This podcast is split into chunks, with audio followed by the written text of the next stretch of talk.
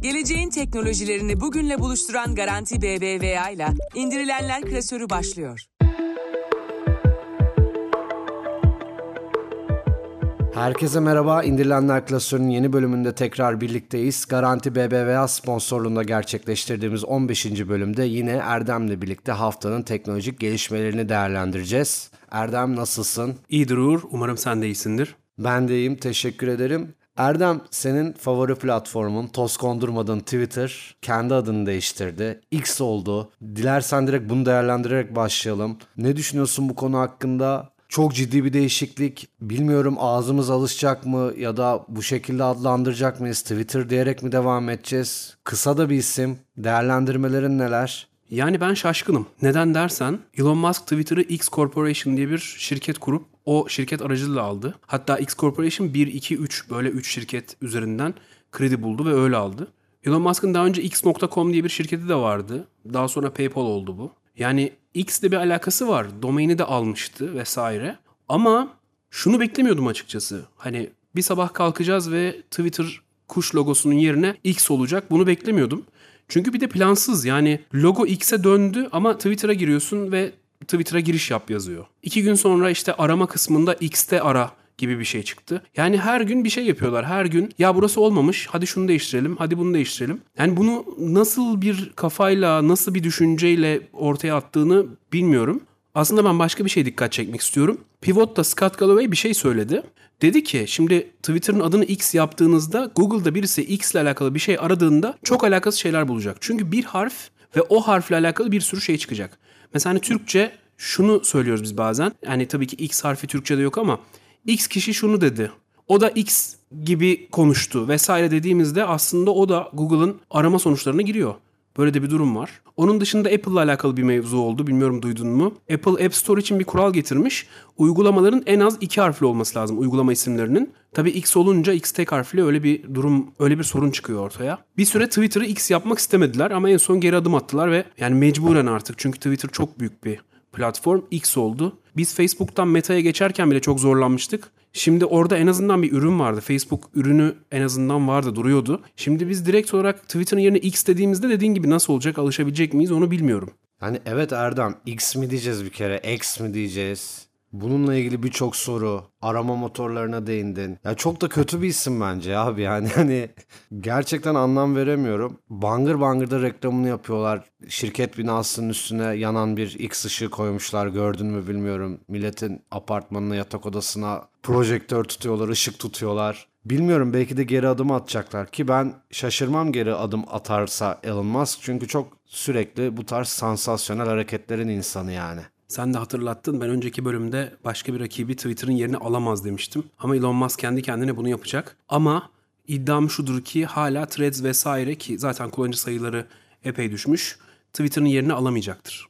Evet konuyla ilgili zaten Zuckerberg'in de açıklamaları olduğu söyleniyor. Threads'te bir kullanıcı kaybı var ama Zuckerberg diyor ki yeni özellikler geldiğinde, eksikler tamamlandığında bu seviyeye ulaşılacak. Bakalım onu da göreceğiz ama bu X olayı çok büyük sürpriz oldu bize. Yani bütün öngörülerimizi yeniden düşünmemiz gerekebilir. Ve yine bir platform, yine bir haber ve belki de yine bir tek tipleşme. TikTok'a metin paylaşma, bir nevi blog paylaşma özelliği geldi Erdem. Galiba herkesin hedefi, herkes benim uygulamamı kullansın, benim uygulamamdan çıkmasın. Tamam maddi kaygılar, popülerlik bunları tabii ki de bütün şirketler isteyecek ama bütün platformların önde olan göz önünde olan bütün platformların aynı olduğu bir dünyaya doğru gidiyoruz gibi hissediyorum. Bilmiyorum sen ne düşünüyorsun bu konuda? Şimdi bu konuyu çok kısa geçeceğim. Çünkü hani bu özelliği daha önce gördük aslında biz. Sadece TikTok'a gelmesi birazcık yeni. Biraz önce kayda başlamadan önce sen bir şey hatırlattın. Dedin ki işte Instagram'daki storylere benziyor. Çünkü storylerde de zaten arka plan ekleyebiliyoruz. Bir renk veya birden fazla renk arka plan ekleyip üstüne metin yazabiliyoruz. Ama senin değindiğin nokta çok önemliydi. Story'de paylaştığın şey kayboluyor. Profilde durmuyor. Ama TikTok'ta durabiliyor. Yani TikTok'ta normal bir video paylaşımı gibi duruyor. Platformların birbirine benzemesi meselesi önemli. Daha önce bununla alakalı ben de yazılar yazdım. Mesela Digital işte şöyle bir yazım var. Merak edenler için belki hani dikey videonun geçmişini görebilmek açısından okunabilir bir yazı. Sosyal medyanın TikToklaşmaya devam edeceğine kesin gözle bakılıyor başlıklı bir yazım vardı. O yazıda Snapchat'ten Instagram'a, TikTok'a, Twitter fleetlere yani dikey videonun nereden nereye geldiğine birazcık eğilmiştim. Daha sonra başka bir yazıda da TikTok Instagramlaşıyor mu konusunu ele aldım. Orada da mesele birazcık şuydu. TikTok videoyla ünlenmiş bir platform ama Instagram gibi fotoğraf paylaşma modunu aslında açmışlardı. Tabi bu fotoğraf şöyle. Fotoğrafın üzerine müzik ekleyip videoya çevirmece gibi bir durum. Yani aslında bütün platformlar birbirlerine benziyorlar ve bunu Threads'te de gördük en son. Threads Twitter'a benziyor. Mastodon var orada, işte Truth Social var vesaire. Aslına bakarsan Spill'den bahsetmiştik bir önceki bölümde. Twitter çalışanlarının Twitter'a rakip olarak belki de düşündükleri bir platformdu. O da aslında aynı şey yapıyor neredeyse. Bir fotoğraf alıyorsunuz, üzerine yazı yazıyorsunuz. Yani aslında hepsi birbirine benziyor. Sadece bu zamana kadar birbirlerinin sınırlarını aşmıyorlardı. Artık sınırları da aşıyorlar. Bir de şu var Erdem. Yani tamam bu uygulamalar çok kaliteli uygulamalar. Hepsinin milyonlarca kullanıcısı var. Biz de bu kullanıcılardan biriyiz seninle birlikte. Fakat bütün uygulamalar birbirine benzerse bizim bütün uygulamalarda aynı vakti geçirecek zamanımız olmayacaktır. Yani bir özelliği, bir farklılığı olması lazım bence uygulamanın. Hepsi aynı olursa yani günde örnek veriyorum sen bir saat Twitter'da vakit geçiriyorsan aslında dolaylı yoldan diğer uygulamalarda da çarpı 5 yani 5 saat Twitter'da geçirmiş olacaksın lafın gelimi. Bu arada hala Twitter diyorum farkındaysan. Bu yüzden bu tek tipleşme kullanım sürelerine ve hatta belki de tercihlerimize yansıyacak belki de bir yıl sonra iki yıl sonra bu kadar birbirlerine benzemeye çabalamaya devam ederlerse birkaç uygulamayı silebiliriz ya da hiç girmez hale gelebiliriz diye düşünüyorum. Benim Threads ile alakalı temel eleştirilerimden biri buydu.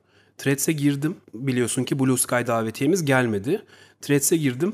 E, Twitter'da gördüğüm şeylerin aynısını Threads'te görüyordum ve Threads bir de bir akış sağlama konusunda Twitter kadar gelişkin değildi. Sadece takip ettiğim insanların postlarını görmüyordum. Hani o kadar fazla Twitter içeriği gördüm ki hiç farklılaşan hiçbir şey yoktu. Bu bir sorun. Yani dediğin gibi Twitter'da vakit geçiriyorum zaten. Neden Threads'te vakit geçireyim? Bir de bunun paylaşım yapanlar tarafı var. Yani platformlar bizden şunu istiyorlar. Instagram istiyor ki biz Reels paylaşalım. Ama aynı zaman TikTok'ta TikTok videosu paylaşalım. Snapchat'te olalım. Tamam olalım hepsinde olalım da. Şimdi bir videoyu yaparken, kurgularken vesaire belli bir zaman harcanıyor. Ama bunu Reels üzerinde yapman lazım. Yani Instagram üzerinde yapman lazım ki algoritma seni öne çıkarsın. E bu sefer Reels'tan çıktı aldığında üzerinde bir filigran oluyor. Onu TikTok'a eklediğinde TikTok bunu görüyor ve seni aslında birazcık aşağı düşürüyor. Ama TikTok'ta yaptığında Reels düşürüyor. Yani bir noktada tamam belki metin içerikleri o kadar çok sorun çıkarmıyorlar ama görsel olduğunda özellikle de video olduğunda ki Başka bir bölümümüzde de geçer akçe etkileşim demiştik. Etkileşim getiren şey aslında video. E, paylaşım yapmak için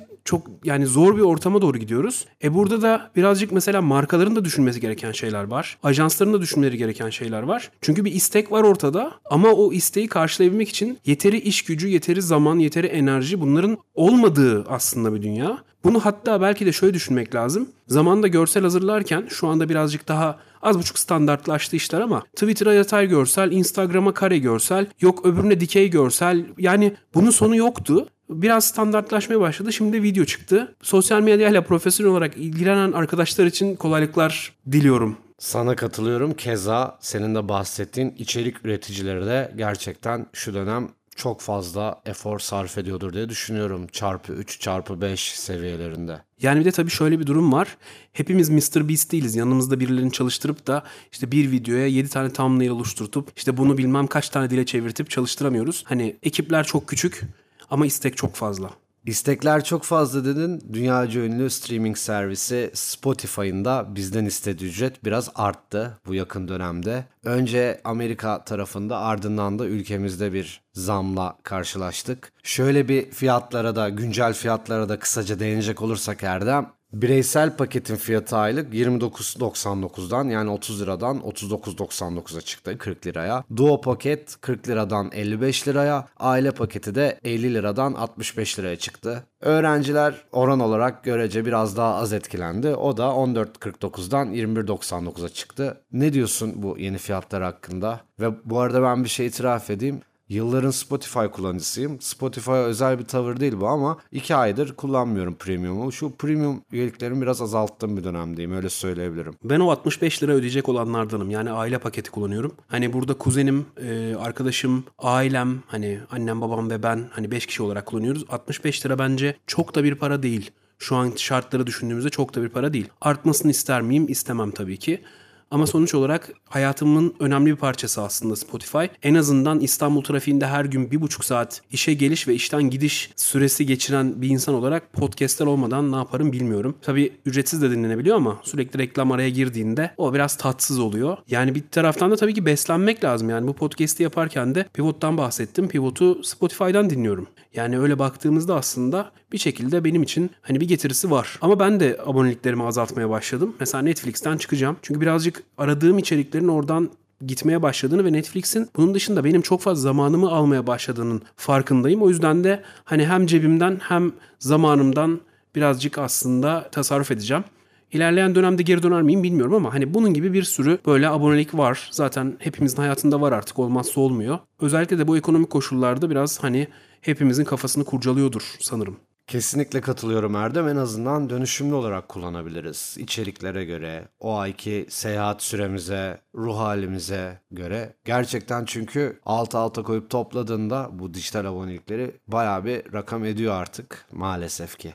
Erdem bu arada bilmiyorum katılacak mısın? Microsoft geçtiğimiz yıllara nazaran baktığımızda bu aralar sürekli gündeme gelmeye başladı. Çok büyük atılımlar yapmaya başladılar. Yine ben geçtiğimiz haftanın gündemine bakarken Niha'nın bir haberini gördüm. Bing Chat artık Google Chrome ve Safari'de de çalışmaya başlayacak. Bir entegrasyon söz konusu. Ya bu Microsoft'un daha fazla kitleye ulaşması anlamına geliyor. İşte anlaşmanın perde arkasını çok bilmiyoruz ama Microsoft son dönemde bayağı güçlü hamleler yapıyor bence. Şimdi dinleyicilerimiz kızmasınlar ama ben Edge'in çok iyi bir tarayıcı olduğunu düşünüyorum. Çok iyi bir internet tarayıcısı ve Edge tek başına bir gündeme gelemedi. Yani sunulduğu günden beri bir türlü olmadı. Hep Internet Explorer'ı konuştuk. Internet Explorer kötüydü, şöyleydi, böyleydi. Sevmiyorduk, kullanmıyorduk vesaire vesaire. Edge hep geride kaldı. Çünkü Edge Internet Explorer'la bir tutuldu. Bing Chat, OpenAI tabii ChatGPT destekli bir yazılım. Bing Chat Edge'i tekrar ön plana çıkardı ve insanlar aslında Edge'i keşfetmeye başladı. Bence en önemli mesele bu. Hatta bir haber vardı. E, seninle podcast'te de konuşmuştuk. Edge 100 milyon kullanıcıyı geçti diye. Hala yani Chrome'un 3 milyardan fazla kullanıcısı var. Hala belli bir seviyede değil. Yani onunla rekabet edebilecek bir seviyede değil ama 300 milyon kullanıcıyı geçmiş aslında Edge. O açıdan çok iyi. Yani tabii ki bunun dışında Activision Blizzard'ı satın almaya çalışması, Microsoft'un onun dışında işte yapay zekaya verdiği destek zaten hani bulut servislerinde çok böyle lider şirketlerden bir tanesi. Hani bunları düşündüğümüzde zaten iyi bir noktada. Edge'i bir türlü öne çıkaramıyordu. Bing Chat bunu yaptı. Şu anda Chrome'da da kullanılabilecek, Safari'de de kullanabilecek. Bu arada Safari'nin de 1.1 milyar gibi bir kullanıcı sayısı var yanlış bilmiyorsam. Yani aslında Edge hala geride ama yükselecek. Bing Chat'te bunun bence önünü açacak. Çünkü orada önemli bir nokta var. Önemli nokta şu. Bing Chat'te bazı noktalarda bazı soruları sorduğunda seni Edge'e yönlendiriyor. Edge kullanmaya yönlendiriyor. Bazı kısıtlamalar var. Mesela anladığım kadarıyla ben Bing Chat'i Chrome'da denemedim. Ama sanıyorum Edge'de 30 tur yani soru cevap 30 tur yapılabiliyorken Chrome'da 5'miş. Yani 5'ten sonra artık sizi yavaş yavaş Edge'e alalım gibi böyle bir davet oluyormuş. Hani bunları falan düşündüğümüzde Edge birazcık daha belki gündemde kalacaktır, daha gelişecektir. Ama yapay zeka daha uzun vadeli bir şey. Yani çok kısa vadede düşünmemek lazım. Söylediklerinin altında Microsoft'a teknik olarak güvendiğini anlıyorum ben senin Erdem. Gerek geçmişte gerek gelecekte. Ben de aynı fikirdeyim. Microsoft'un zirveye oynayacağı günler hatta zaten oynuyor da daha çok zirvede yer alacağı günler bence gelecektir. Bir gün buluşacağız belki de tekrar biz de tarayıcılarımızda. Yani Microsoft'un yaptığı optimizasyonlarla kullanıcılara büyük kolaylıklar sağladığını düşünüyorum. Tıpkı sponsorumuz olan Garanti BBVA gibi. Garanti BBVA da bildiğiniz üzere kullanıcılarına ve müşterilerine büyük kolaylıklar sunuyor. Şimdi para transferi yapmak için o banka uygulamasına gir. Hesaplara bakmak için bu banka uygulamasına gir. POS hareketlerini görüntülemek için şu banka uygulamasına gir. Söylerken bile yoruluyor insan. Neyse ki Garanti BBVA Mobil ile tüm banka hesaplarımız, POS hareketlerimiz artık tek bir yerde. Gerçekten büyük kolaylık. Siz de banka hesaplarınızı Garanti BBVA Mobil'e tanımlayın. Garanti BBVA Mobil kolaylığını tüm bankalardaki hesaplarınız için yaşayın. Ve Erdem dilersen bölümlerimizin son kısmı olan haftanın uygulamasına geçelim. Senden sözü devralıyorum. Bu hafta haftanın uygulaması olarak Fable'ı seçtik. Fable nasıl bir uygulama diye dinleyicilerimizi şöyle bir tanıtmak istiyorum. Aslında Fable'ı tanımlamak birazcık zor. Çünkü uygulama kitaplarla ilgili ama sadece kitaplarla ilgili yorum yazılan bir uygulama değil. Yani hani genellikle böyle bir durum vardır ya ya girersin kitap alırsın ya gidersin kitapla ilgili yorum yazarsın. Fable birazcık daha fazlası. İşin bir de sosyal medya tarafı var. Hani Goodreads'e yakın diyebiliriz aslında. Kitap kulüpleri var içeride. Hani belli kitapların kulüplerine girip orada o kitaplarla ilgili yorumlar yapıp insanlarla böyle çeşitli tartışmalara girebilmek, oralardan çıkarımlarda bulunabilmek, başka kitaplar önerebilmek, insanlara ekleyip onların neler okuduklarını görebilmek gibi özellikleri var. Aslında eğlenceli bir uygulama. Sadece e, kitap sayısı açısından birazcık sanıyorum kısır bir uygulama. Yani Özellikle Türk yazarlarının kitaplarını bulmak çok mümkün değil. Eklenebiliyor mudur? Bununla alakalı bir şey görmediğim için hani bir şey söyleyemiyorum. Ama onun dışında özellikle işte edebiyat sever, özellikle de e, belli türlerde edebiyat sever insanların orada buluştuklarını gördüm uygulama içerisinde. Yani insanın hem bir şeyler öğrenebileceği hem de paylaşabileceği güzel bir ortam olabilir diye düşünüyorum.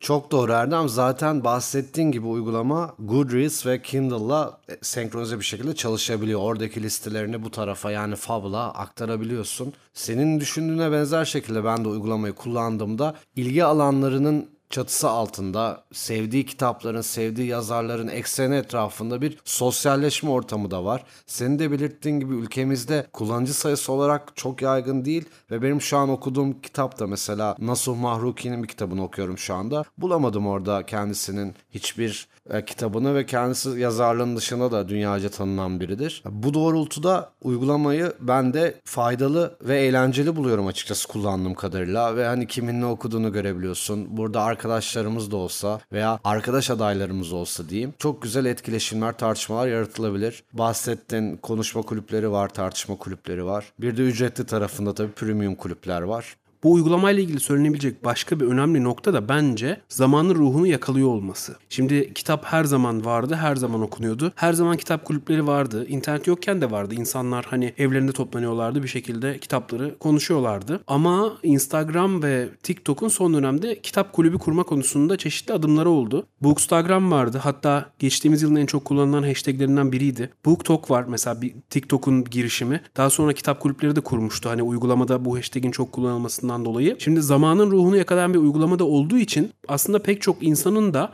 Fable gibi bir uygulamaya orada bir köşe kapmak için girebileceğini de düşünüyorum. Yani edebiyat seviyorsanız ve kitaplarla ilgili düşüncelerinizi yaymak istiyorsanız birincisi Goodreads'te olmanız lazım. Fable'da bunun ikinci yolu olabilir. Çünkü dediğim gibi hani sosyal medya tarafı var. Sen de değindin. İnsanların neler okuduğunu takip etmek aslında önemli. Onlarla ilgili yorum yapmak. Çünkü onlar da tavsiyelerden yola çıkarak yeni kitapları alıyorlar bir şekilde. O yüzden hani zamanın ruhu burada çok önemli bir rol oynuyor. Ben uygulamayı faydalı buluyorum ve dinleyicilerimize öneriyorum. Hem böylelikle Türkiye'de de biraz daha yaygınlaşmış olacaktır diye düşünüyorum. Ve Erdem seninle birlikte bir bölümün daha sonuna geldik. Bu 15. bölümümüz. Bir bölüm daha sona erdi. Dinleyicilerimize yavaş yavaş veda edelim istersen. O zaman bölümü bitirmeden önce ben şöyle bir cümle daha etmek istiyorum. Kısacık bir isteğim olacak dinleyicilerimizden. Bölümü dinledikten sonra paylaşırlarsa, tabii ki eğer beğeniyorlarsa, paylaşırlarsa çok seviniriz. Ve seni de beni de aslında sosyal medyadan bulabilirler. Bize sosyal medyadan yorumlarını da iletirlerse ayrıca memnun oluruz. Çünkü podcast'imizin büyümesi, gelişmesi için dinleyici yorumları çok önemli. Ağzına sağlık Erdem. Senle bir bölümde daha birlikte mikrofon başında olmak güzeldi. Dinleyicilerimize hoşçakalın diyorum. 16. bölümde görüşmek üzere. Geleceğin teknolojilerini bugünle buluşturan Garanti BBVA ile indirilenler klasörü sona erdi.